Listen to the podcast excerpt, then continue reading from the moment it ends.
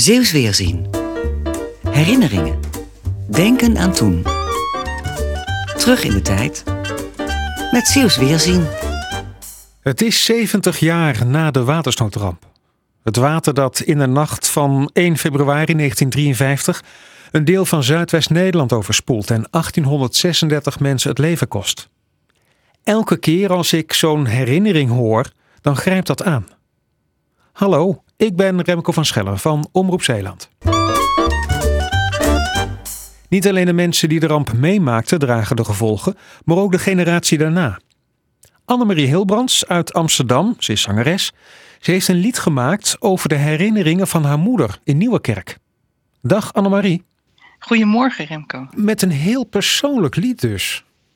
Ja, ja, ik denk uiteindelijk als je songteksten gaat schrijven, dat je toch het beste kan schrijven over dingen die je bezighouden. Dan komt het toch een beetje vanzelf. En uh, nou ja, dit was natuurlijk een thema wat altijd ergens op de achtergrond aanwezig was in de Zeeuwse familie, maar waar zelden over gesproken werd. I wake up on the shore and instinctively I know there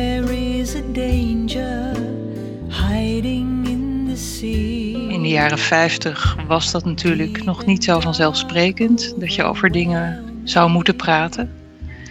En misschien uh, voor een deel ook wel de Zeeuwse aard. Om er niet te veel bij stil te willen staan.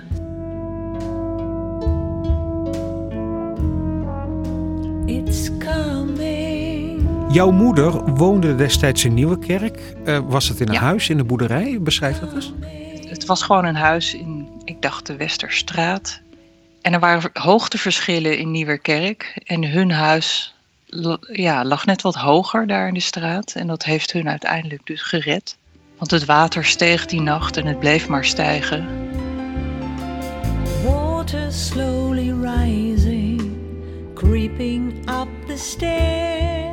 Ze hebben zich schuilgehouden op zolder. En eh, mijn moeder vertelde dat haar broer elke keer naar beneden liep om te kijken.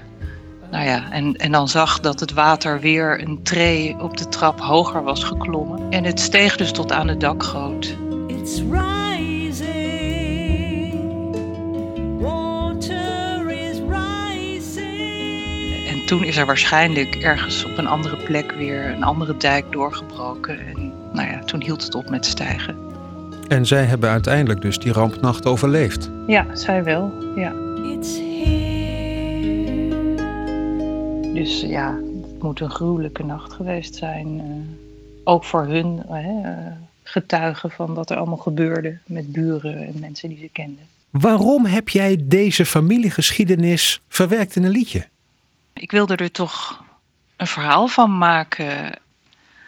Want ondanks dat mijn moeder er niet veel over verteld heeft, was het natuurlijk toch een eh, ja, ingrijpende ervaring. Ze leeft nu niet meer, maar eh, voor ze overleed ben ik, heb ik het nog een keer speciaal gevraagd eh, of ze nou ja, een aantal dingen wilde vertellen die haar het meest zijn bijgebleven van die nacht. En ze heeft het uiteindelijk ook gehoord hoor, het nummer. Ja, ze vond het mooi en ze zei, ja, zo was het, ze. Vrouw van weinig woorden. Maar waarom heeft ze het toen uiteindelijk toch wel tegen jou verteld, vlak voordat ze zelf stierf? Nou ja, ik heb er naar gevraagd. Ik bedoel, eh, ik heb uiteindelijk geleerd dat, dat je mijn moeder eigenlijk het beste gewoon vragen kon stellen. En dan, dan kreeg je eigenlijk wel gewoon antwoord. Maar uit zichzelf erover vertellen, dat deed ze niet snel. Annemarie Hilbrands met het verhaal van haar moeder uit de nacht van 1 februari 1953. The Sea heet dat lied. En als je het helemaal wil horen, kijk dan eventjes op zeeuwsweerzien.nl. Daar staat een linkje. Volgende week weer een herinnering van Zeeuws Weerzien. Misschien wel jouw herinnering.